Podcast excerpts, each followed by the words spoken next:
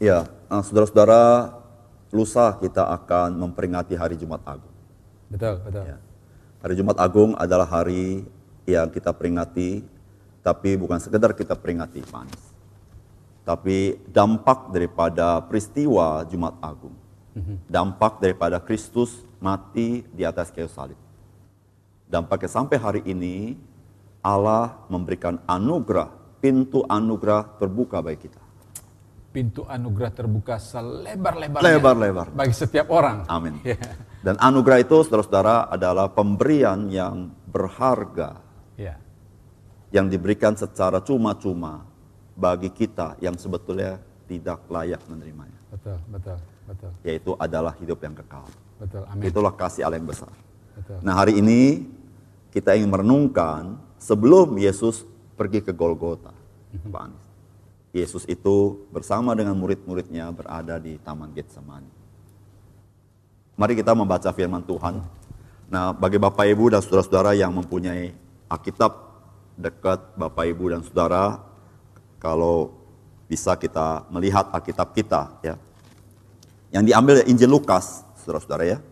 Injil Lukas pasal yang ke-22 ayat 39 sampai 46. Nah kami membacakannya bagi Bapak Ibu dan Saudara-saudara. Kalau Bapak Ibu dan Saudara tidak punya Alkitab tidak apa-apa mendengarkan firman Tuhan dan berbahagia oleh mendengar firman dan menghidupi firman. Amin, amin. Ayat 39 saya bacakan, kemudian ayat 40 Pak Anies bacakan. Lalu pergilah Yesus keluar kota dan sebagaimana biasa ia menuju bukit Zaitun, murid-muridnya juga mengikuti dia. Setelah tiba di tempat itu, ia berkata kepada mereka, Berdoalah supaya kamu jangan jatuh ke dalam pencobaan. Kemudian Yesus menjauhkan diri dari mereka kira-kira seperlempar batu jaraknya, lalu ia berlutut dan berdoa katanya. Ya Bapakku, jikalau engkau mau, ambillah cawan ini daripadaku, tetapi bukanlah kehendakku, melainkan kehendakmulah yang terjadi. Maka seorang malaikat dari langit menampakkan diri kepadanya untuk memberi kekuatan kepadanya. Ia sangat ketakutan dan makin bersungguh-sungguh berdoa, peluhnya menjadi seperti titik-titik darah yang bertetesan ke tanah. Lalu Yesus bangkit dari doanya dan kembali kepada murid-muridnya, tetapi ia mendapati mereka sedang tidur karena duka cita. Katanya kepada mereka, "Mengapa kamu tidur? Bangunlah dan berdoalah supaya kamu jangan jatuh ke dalam pencobaan." Pak Anies, eh, Tuhan Yesus datang ke dalam dunia. Dia mempunyai satu misi yang besar. Misi ini adalah misi keselamatan. Tuhan Yesus datang, saudara-saudara, bukan untuk membangun sebuah agama, Pak Anies. Ya, Bukan. betul. Ya. Agama itu bicara masalah aturan dan ritual.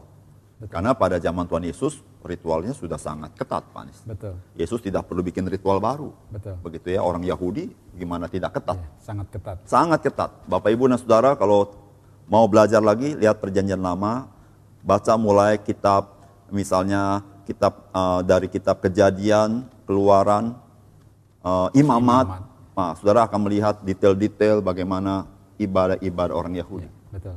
Nah, Dan itu semua nubuatan mengenai kekudusan Allah yang tidak bisa digapai oleh manusia kecuali oleh pengorbanan darah Yesus. Amin. Nah, Yesus datang ke dalam dunia dengan satu misi besar. Ya. Ya, misi besar ini dengan pengorbanan yang sangat besar juga. Iya. Ya, tidak ada misi besar tanpa pengorbanan. Tapi misi ini sangat besar karena itu pengorbanan sangat besar sehingga anak Allah yang tunggal itu dia harus mati sekali salib. Betul. Ya. Tapi Pak Anies menarik sekali adalah bahwa Yesus bukan saja melakukan misi keselamatan, tapi dia memberikan satu teladan yang baik bagi kita. Betul, betul. Teladan sebenarnya bagaimana sih kita menghadapi hidup kita ini Pak Anies? Bagaimana sih saudara dan saya menghadapi pergumulan hidup, kesulitan hidup, mungkin ancaman hidup, tantangan hidup dalam hidup ini? Nah, di Alkitab memberikan sebuah catatan yang sangat penting bagi kita. Di sini dikatakan uh, di dalam Alkitab, lalu pergilah Yesus keluar kota sebagaimana biasa ia menuju Bukit Zaitun. Murid-muridnya mengikuti dia. Jadi artinya sebenarnya Yesus ini sering kali pergi ke daerah Bukit Zaitun ya, tempat yang dataran tinggi ya. Eh, di sana saudara-saudara kalau membaca Yesus sering berdoa. Dan pada saat-saat ini adalah detik-detik di mana dia akan pergi ke kayu salib. di tempat yang sangat mengerikan itu, saudara perhatikan, dia kembali datang kepada Tuhan dan berdoa. Nah saudara bagaimana saudara waktu saudara menghadapi pergumulan ini? Pak Anies, kalau Pak Anies bagaimana kalau menghadapi Iya. pergumulan ini? Ya, em, saya kira Pak, Ah. pada umumnya ya, Ah. ketika manusia itu berada di dalam tekanan, di dalam persoalan yang Ya. sangat besar, maka ada ah, intuisi manusia itu untuk mencari yang ilahi. Ya. Betul ya Pak Ya. ya? Nah apalagi kita sebagai anak Tuhan, sebagai orang percaya, eh, saya kira eh, bukan rahasia umum saudara. Pada waktu mungkin masalah sedang aman-aman, biasa-biasa saja dan mampu kita atasi, eh, mungkin kita sedikit cenderung tidak ingat Tuhan. Ya. Tapi ketika kita berada dalam keadaan yang sangat-sangat sulit yang tidak mampu kita atasi, Ya. nah itu biasanya kita mulai ingat Tuhan Pak Riki. Ya. Ya. mulai mencari Tuhan, ya, Ya. kan. Begitu kusuk eh, berdoa kepada Tuhan, mungkin doa puasa Pak Riki. Mungkin ada Karena orang bertanya kan, sulit ya. ada orang bertanya kepada kita sering kali Pak Anies. Ya. Pertanyaannya begini, kenapa sih kita masih hidup ada penderitaan? Iya. Ya, nah begitu itu ya. dia. Saya pikir salah satunya mungkin saudara ya, salah satunya eh, supaya kita ingat Tuhan. Betul. betul, betul. Betul gak Pak Anies? Betul, ya. betul. Ya, sering kali saudara kalau saudara hidupnya lancar-lancar saja seperti ya kita bisa berdiri dan kuat dua kaki kita. Betul. Betul gak? Betul. Ya. Tapi waktu kita tidak berdaya, maju kena, mundur kena, kiri kena, kanan kena. Iya. Barulah kita tidak berdaya, kita menghadap ke atas. Maka itu saya sering kali, Pak Anies sering kali berkata, di rumah sakit itu adalah ICU. I see you. And you see me. I see you. I see you. you. see me. Ya kan? Iya, betul, Nah, betul. selama ini kita tidak ICU, Iya. ya kita see yang lain. kan. Si yang lain. Nah, Iya. menarik sekali Pak Regi kalau kita dengar uh, chatting-chatting WA ya. Iya. Uh, saudara-saudara kita yang di uh, Italia, Iya. uh, ini kan korban uh, COVID-19 banyak sekali ya. Sangat banyak. Pak. Ya, dan uh, kita mendengar bahwa ada banyak kesaksian para medis yang sudah tidak mampu, tidak berdaya dengan teknologi yang mereka miliki, dengan kemampuan yang mereka miliki. Akhirnya mereka spontan berteriak, berseru kepada Allah, Ya. berseru kepada Tuhan. Ya, di dalam uh, mengatasi masalah yang sangat-sangat berat. Betul. Nah, menarik sekali Pak Regi ayat firman Tuhan ini ya. Ah, Uh, ini kan Tuhan Yesus dia tahu di- dia akan ke mana kan? Betul. Nah, seperti Pak katakan, dia sedang mengerjakan misinya, Yang sangat misi besar. penyelamatan bagi dunia ini. Ya. Dan uh, saya tidak bisa bayangkan, Pak Rigi, pada waktu Tuhan Yesus masuk dia uh, pergi ke Taman Getsemani itu, dan dia tahu apa yang akan terjadi kepada dirinya. Dan di saat-saat seperti itu dia uh, mencari Bapa, Ya. datang kepada Bapa, Ya. ya, berdoa kepada Bapa untuk menikmati apa intimasi dengan Bapanya Betul. di saat-saat seperti Betul, begitu, Pak. Pak. Nah, sebab begini Pak Anies, Iya, Eh, memang seseorang itu, Pak Anies, diuji bagaimana, diuji karakternya, iya, diuji eh, ketangguhannya itu, tangguhannya. bukan pada saat sukses, Betul, bukan pada saat betul. sukses, tapi pada saat dia terjepit, dia sangat sulit dan bagaimana dia bersikap Betul. sebetulnya. ya. Nah, nah sering kali saudara-saudara kalau saudara perhatikan, kita sering kali kepleset juga dalam masa-masa sulit. Kenapa kepleset? Seringkali kita tidak sabar, betul ya? Betul. Kalau bisa cepet-cepet lah lewat nih. Betul kan ya? Nah saudara seperti masa-masa seperti ini saya yakin banyak Bapak Ibu dan saudara termasuk saya dan kita ini. betul, betul. Kita merasa tidak sabar. Iya. Ya apalagi Bapak Ibu di rumah terus ya. Mau pergi ke mana tidak boleh. Iya, iya. Keluar tidak boleh. Di rumah terus pasti bosan sekali ya. Betul. Iya. Iya. Semoga eh, siaran hari ini, siaran God is good. Iya. Ya, menyapa saudara bukan kami yang menyegarkan saudara tapi Tuhan menyegarkan saudara. Amin, amin. Ya. Nah, Pak Anies yang saya mau katakan begini, Pak Anies. Apa yang Yesus katakan ini benar? Yesus berkata begini, Pak Anies. Iya, Berdoalah supaya kamu jangan jatuh ke dalam pencobaan. luar Di bagian lain Yesus berkata apa? Karena daging ini lemah. Daging ini lemah, Ya, betul. roh itu penurut. Nah, sering kali gini, saudara-saudara, eh, kita sering kali kepleset karena hawa nafsu kita. Kita pikir, kita pinter. Kita pikir kita bisa. Ya, kita pikir kita bisa. Betul ya. Kalau kita pikir kita bisa, itu kalimatnya adalah penyesalan. Saya pikir. Iya. Ya. Iya. Nah, itu berarti peristiwa sudah berlalu dan ternyata tidak Nggak sesuai bisa. dengan apa yang kita Iya, pikirkan. iya. Nah, di situlah saudara-saudara kita memerlukan waktu tenang seperti lagu tadi ya. Betul. Ringkupiku. Iya. Ya, Tuhan ya. Betul. Kita tenang, kita berdoa. Dan Tuhan akan bisa berbicara kepada kita dan dia berikan hikmat kepada kita. Dan dalam dia mengatasi. memberikan ketenangan itu. Ketenangan dan kekuatan Panis. Kekuatan. Iya. Itu luar biasa. Iya, iya. Nah, Tuhan Yesus itu memberikan teladan seperti ini. Iya. Ya. Nah, menarik sekali Pak Anies di dalam pergumulan Tuhan Yesus di Taman Getsemani ini. Yesus itu mengatakan kalimat seperti ini, Pak Anies. Nah, dia berkata, "Ya Bapakku, jikalau engkau mau, ambillah cawan ini daripadaku, tapi bukanlah kehendakku, melainkan kehendakmu lah yang jadi." Iya, iya. Saya tidak tahu eh, apakah kita saudara-saudara berdoa seperti doa Tuhan Yesus. Ya. Sepertinya Pak Regi kita eh, nggak mampu untuk doa seperti ini Pak Regi. kalau boleh kita pada Tuhan, kalau boleh Kalau boleh. kalau boleh Tuhan yang saya inginin ya. ya, Udahlah Tuhan, dengarlah doa saya lah. Ya, Ya. begini aja yang baik ya. Ya, Jangan nggak dengar dah Tuhan gitu ya. Jadi Ya. kita sedikit memaksa Tuhan untuk menjawab apa mengikuti keinginan Maka kita. itu ya, begini Pak Anies, Eh, memang kalau kita bicara orang beriman tidak beriman, sering kali ada dua kutub. Iya, Ada orang berkata, kalau engkau beriman, apa yang kau minta pasti di- dikabulkan Tuhan. iya, Ya, betul. betul. betul. Ada yang berkata, kalau kamu tidak dikabulkan, kamu tidak beriman. beriman. Ya. Oke, saya tidak tidak tidak menyalahkan bagaimana. Satu lagi, Iya. Apakah engkau masih bisa beriman kalau Tuhan tidak mengabulkan doamu? Betul. Nah ini ini ini persoalan iman, persoalan iman, ya. Iman, saudara-saudara, bukan bicara apa yang saya mau terjadi. Iman adalah saya percaya apa yang Tuhan mau itu terjadi. Amin, amin, amin. Saudara saya ulang, saudara-saudara. Iman bukan apa yang saya mau terjadi, bukan. Iman adalah saya percaya apa yang Tuhan mau pasti terjadi. Amin. Itu amin. Amin. Nah, Tuhan Yesus berdoa, jikalau bisa cawan ini lalu daripadaku. Nah, saudara cawan apa? saudara? Saudara-saudara, yang di hadapan Tuhan Yesus itu kayu salib. Betul. Nah, saudara kayu salib itu sangat mengerikan. Saudara ya, orang itu digantung, dipaku, sampai mati di atas kayu salib.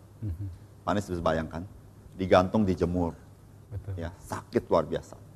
Uh, uh, kita sangat prihatin dengan saudara-saudara kita yang sakit uh, terkena virus COVID-19. Salah satu yang mengerikan dari COVID-19 adalah yang sekarang ini sedang ramai di Amerika, di New York, uh, guber- gubernur New York kalau nggak salah meminta ventilator, begitu ya. Jadi mereka membutuhkan ventilator. Kenapa, Pak Anies?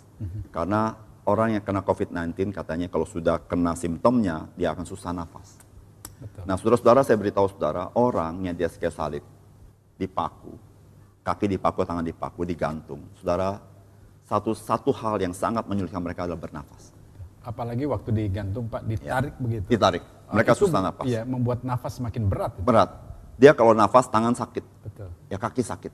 Dia nggak nafas, dia mati. Nah ini penderitaan sangat berat. Jadi yang di hadapan Tuhan Yesus sesuatu penderitaan yang sangat berat. Betul. Nah pertanyaannya dikatakan cawan itu apa? Saudara sebenarnya penderitaan Yesus bukan hanya penderitaan fisiknya.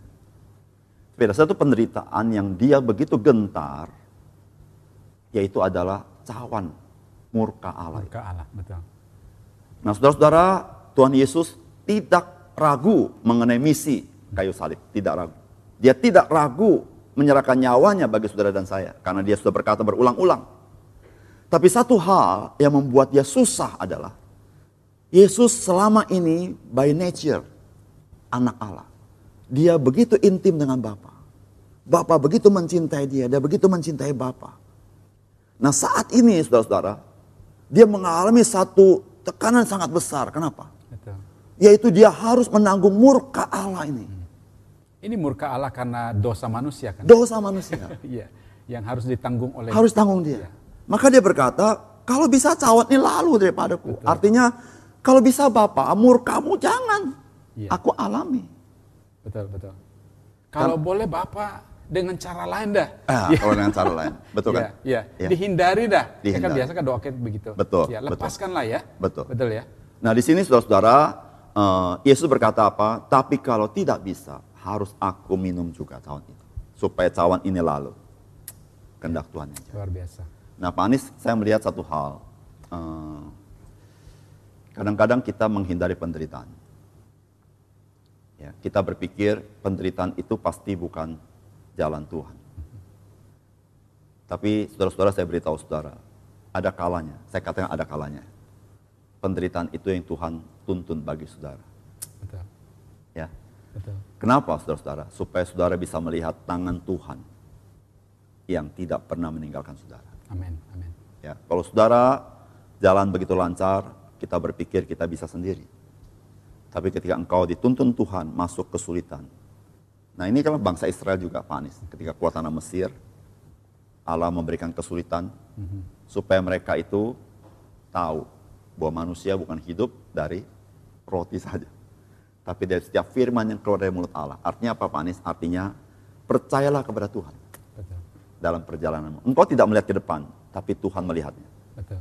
Betul. Nah ini Tuhan Yesus mengalami seperti ini, tapi dia mau taat Pak Anies.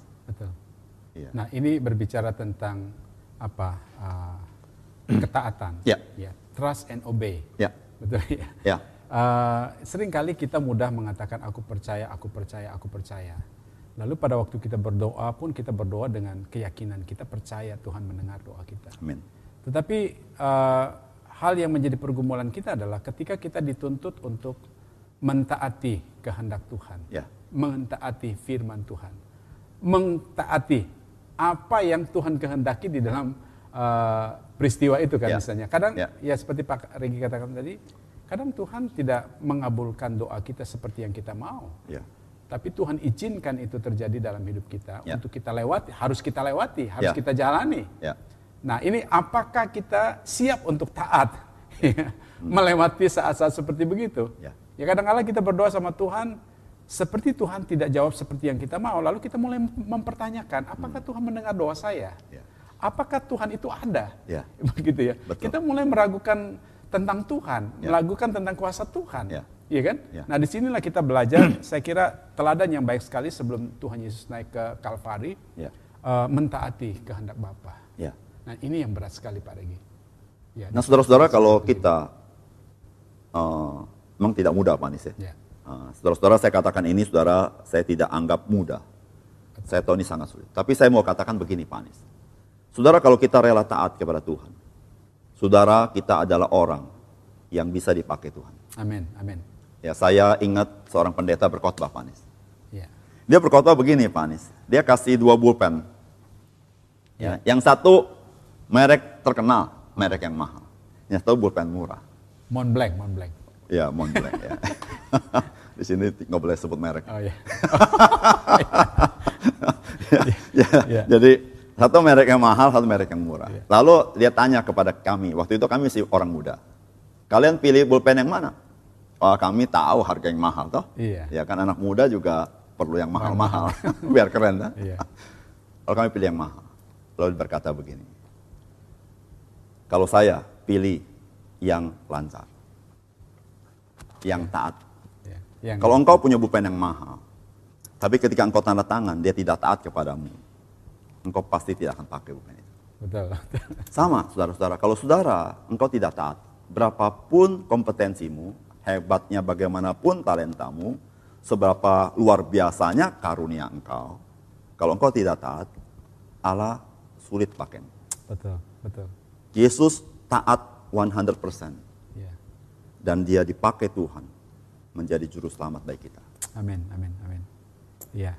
Jadi kita lihat di sini bahwa ketaatan Kristus uh, kepada kehendak Bapa untuk Ya. menjalani misi penyelamatan bagi dunia ini. Hmm. Um, kadang-kadang, bukan kadang-kadang ya, kalau kita pikirkan ya Pak Regi, um, dia menerima hukuman kita kan ya, Ya. menerima hukuman kita. Dia sebagai anak Allah bisa saja berkata, uh, tanggungkan aja kepada mereka masing-masing, Ya. kan begitu ya. Betul. Tapi ini yang luar biasa bahwa dia rela untuk menanggung uh, murka Allah kepada engkau dan saya. Dia menanggung dosa isi dunia ini. Dia menanggung dosa saudara dan saya. Uh, ketaatan itulah yang dijalan oleh Yesus Kristus ketika dia sedang bergumul di Taman Getsemani. Betul, Pak Anies. Pak Anies begini, Pak Anies. Eh, dalam hal apa sih Pak Anies rela mempertaruhkan nyawa Pak Anies sebagai orang? Dalam hal apa Pak Anies rela mempertaruhkan? Iya, saya rela mempertaruhkan nyawa saya kalau orang itu berjasa buat saya atau orang itu uh, mungkin berarti buat saya. Oh, dua hal orang itu ya? ya, Ya. yang orang yang saya cintai, Betul. mungkin saya re- uh, rela, Rela. rela, ya, rela. Tapi kalau ada orang yang jahat sama Pak Anies, Uh, uh, tunggu dulu ya. Kalau dia jahat ya Nah, dia dia tanggung sendiri ya kan mungkin, itu itu mungkin kalau dia jahat, dia kan ya, ya. kalau dia jahat mungkin kita bilang I'm sorry. Begitu ya, Anies. Betul ya? Iya betul betul betul. Betul ya? Iya betul. Eh, kita kita kalau orang baik sama kita, Pak Anies, kita gampang sekali. Betul. Ya, gampang sekali, saudara. Kita gampang sekali nolong dia. Contoh ya kalau kita belanja, Pak Anies ya. Iya. Kadang-kadang kita nggak suka barangnya sebenarnya, tapi karena orangnya sangat baik, kita beli juga kan? Betul nggak Pak Anies? Iya, jadi Iya sebenarnya kan? kita beli bukan karena butuh. Bukan, Ya, karena kita sangat appreciate dia kan. Pas kita pulang, istri kita tanya, kenapa Pak dibeli? Orangnya baik. ya, betul nggak? Iya, ya bisa terjadi seperti Bisa itu. ya. begitu kan? Iya kan? Eh, saudara, saudara punya pengalaman ini nggak? Saudara punya pengalaman ya? Nah, kenapa saudara belanja di toko itu kembali? Karena orang itu baik. Iya, iya. Tapi saudara coba bayangkan. Saudara pergi ke toko itu, saudara diacukan, harganya mahal, saudara dimaki, dihina. Saudara mau datang lagi? Tidak mau. Nggak mau. Saudara, apa yang Yesus kerjakan baik kita? Saudara, saya tanya kepada saudara. Saudara, mudahkah saudara percaya kepada dia? Tidak mudah. Betul. Betul. Kita mungkin meremehkan dia. Kedua, kita tidak percaya sama dia. Masa sih? Masa sih kita ya? Iya. Tapi Alkitab berkata, ketika kita masih berdosa, Yesus dia sudah mati bagi kita, Betul. menanggung dosa kita. Betul. Nah, Pak Anies, kalau misi yang Yesus kerjakan, misi keselamatan, bisa kita menyelamatkan diri sendiri. Iya. Lalu Yesus ini mati di kayu salib penderita begitu. Ini satu perbuatan konyol bukan? Betul. Betul gak Pak? Betul. Apakah mungkin seorang seperti Tuhan Yesus, dia mau mati konyol? Iya. Betul kan? Betul. Maka itu wak- waktu dia berdoa di Getsemani nih Pak Anies, memberitahukan kepada kita bahwa kenapa dia mau? Karena misi ini demi saudara dan saya. Misi ini karena dia mengasihi saudara dan saya. Betul. Dia mati baik kita. Betul. Saudara, ini Pak Anies begini Pak Anies. Eh, diampuni dosa Pak Anies. Itu nggak bisa pakai uang. Betul. Kalau Pak Anies sakit hati sama saya. Lalu saya berkata begini sama. Pak Anies, saya kasih handphone saya ke Pak Anies. Kalau kita baik-baik saja, Pak Anies ambil handphone saya. Tapi kalau Pak Anies lagi sakit hati sama saya, Pak Anies nggak mau barang saya. Saya nggak butuh barang kamu. Maksud kamu apa? Gengsi dong. Gengsi. Iya, iya. Iya. Jadi artinya seorang itu bisa mengampuni. Ini harganya mahal sekali. Betul. Maka itu Alkitab berkata berbahagialah orang yang diampuni dosanya. Ya. Amin. Amin. yang dilupakan seluruh pelanggarannya oleh Tuhan. Bagaimana Tuhan bisa mengampuni, bagaimana Tuhan bisa melupakan semuanya itu, yaitu ketika Allah mengutus Yesus Kristus. Allah melihat Yesus mati bagi seluruh kita dan dia membenarkan kita. Iya, betul, betul. Dan memang ketaatan Kristus untuk menerima cawan itu dan pengorbanan di kayu salib itu, Pak. Karena memang kita tidak sanggup untuk menyelamatkan diri sendiri. Tidak sanggup. Dengan apa pun, Yap. ya, dengan materi apa pun, harta apa pun yang kita miliki, kekuatan yang kita miliki, kuasa yang kita miliki, tidak mampu untuk Ya. menyelamatkan kita dari tuntutan hukuman dosa. Betul. Itu sebabnya Kristus rela untuk taat. Ya. Nah, ketaatan yang seperti ini luar biasa, Pak. Ya. Ketaatan bagi seseorang yang menjadi musuhnya. Ya. Ketaatan untuk mengorbankan dirinya bagi seseorang yang uh, mengkhianati dia. Mengkhianati dia. nah, ini ini ini ketaatan yang luar biasa, Pak. Ya. Ya. Nah, jadi jemaah sekalian bahwa apa yang Tuhan Yesus kerjakan itu adalah sesuatu yang membuat hidup kita yang tadinya tidak bernilai menjadi bernilai. Membuat hidup kita yang tadinya hina menjadi mulia di hadapan Tuhan. Membuat hidup kita yang tadinya tidak mempunyai pengharapan, kita hidup dalam pengharapan di dalam Kristus Tuhan kita. Nah, Pak Anies begini, Pak Anies. Saudara coba pikirkan, Yesus rela menanggung dosa saudara dan dosa saya dengan mati salib. Pertanyaannya begini, apakah ada yang kita khawatirkan dalam dunia ini yang Yesus tidak care dalam hidup kita? Kalau dosamu dan dosaku saja dia tanggung semua. Betul. Maka Alkitab berkata, sampai masa putih rambutmu, Tuhan kita dia Tuhan yang menggendong kita, Pak Anies. Betul. Ya. Alkitab berkata, engkau seperti biji mata Tuhan. Ya. Tuhan rawat, Tuhan pelihara. Oleh karena itu saudara-saudara, mengingat Jumat Agung, mengingat karya Kristus mengasihi saudara dan saya, saudara dalam situasi apa pun saudara, saudara engkau punya pengharapan, engkau tidak sendiri, engkau ada berjalan bersama Tuhan Yesus. Tuhan Yesus mengasihi engkau, dia rela mengampuni dosamu, dia juga memelihara hidupmu. Saudara, oleh karena itu, saudara-saudara, ketika kita di dalam Tuhan, saudara bisa mengalami yang disebut dengan damai sejahtera itu. Hmm, Amin. Ya. Dunia seperti apa? Yesus berkata, di tengah dalam dunia ini engkau akan mengalami penderitaan. Ya. Tetapi di dalam aku, engkau akan mengalami damai sejahtera. Amin. Amin. Nah orang percaya ada di dua dalam ini. Satu di dalam dunia, satu di dalam Tuhan. Ya. Di dalam Tuhan ini kita ada sukacita. Meskipun dunia seperti apa. Tapi saudara kalau saudara belum di dalam Tuhan Yesus, saudara hanya mengalami yang di dalam dunia ini. Gelombang itu. Kira-kira gitu Pak Anies. Ya, baik. eh, ini menarik sekali Pak. Ya. Karena di tengah-tengah situasi dunia kita hari ini, dengan keadaan yang terjadi di sekitar kita di dunia hari ini, maka eh, teladan Kristus ini penting sekali saudara untuk kita hargai, kita hormati, kita appreciate, bahkan kita teladani. Amin. Ya, tidak ada Ya. cara lain untuk mendapatkan ketenangan selain engkau seperti Kristus datang mendekatkan kepada Amin. Bapa, ya, berdoa kepada Bapa dan belajar untuk mentaati kehendak Bapa dalam hidupmu. Puji Tuhan. Maka Tuhan akan memimpin perjalanan hidup kita untuk melewati Ya. saat-saat sulit ini Ya. dengan cara Tuhan yang ajaib. Ya. Ya. Tuhan menyertai saudara, Tuhan mencintai saudara, dia dia telah menyerahkan nyawanya bagi saudara. Oleh karena itu saudara jangan khawatir, bersandar pada Tuhan. Dia memberikan saudara kekuatan dan kemenangan. Ya, jikalau ada di antara saudara-saudara yang menyaksikan program ini dan saudara belum mengenal siapa dia sang juru selamat itu Yesus Kristus, uh, kami menantang saudara atau mengajak saudara untuk buka hati kepada Tuhan. Amin. Dia mencintai saudara, dia mau saudara mengalami kehidupan yang berkelimpahan itu. Dia akan menjadikan engkau sebagai biji matanya, Ya. kesayangan Tuhan yang Tuhan pelihara. biji mata, Pak Anies ya. Iya, Saudara itu Pak. kalau ada debu sedikit ya Pak Anies ya, mata kita itu kecepatan tinggi sekali. Iya. betul. Cepat sekali. Iya. Ya, langsung kedip tuh. Langsung kedip, dia Ya, langsung jaga ya. Jaga ya. Nah Tuhan itu begitu saudara. Bahkan ada sesuatu yang lewat aja dia langsung kedip. Langsung kedip. Iya. Ya. Begitu, Bayangin. ya. Maka itu Alkitab memberikan gambaran itu Indah membuat sekali. membuat saya terharu. Pak. Terharu ya, betul. Betul, Ah, saudara begini, siapa kita? ya, Tuhan harus berbuat itu. betul, betul. Kalau bukan karena kasihnya begitu besar. Ya.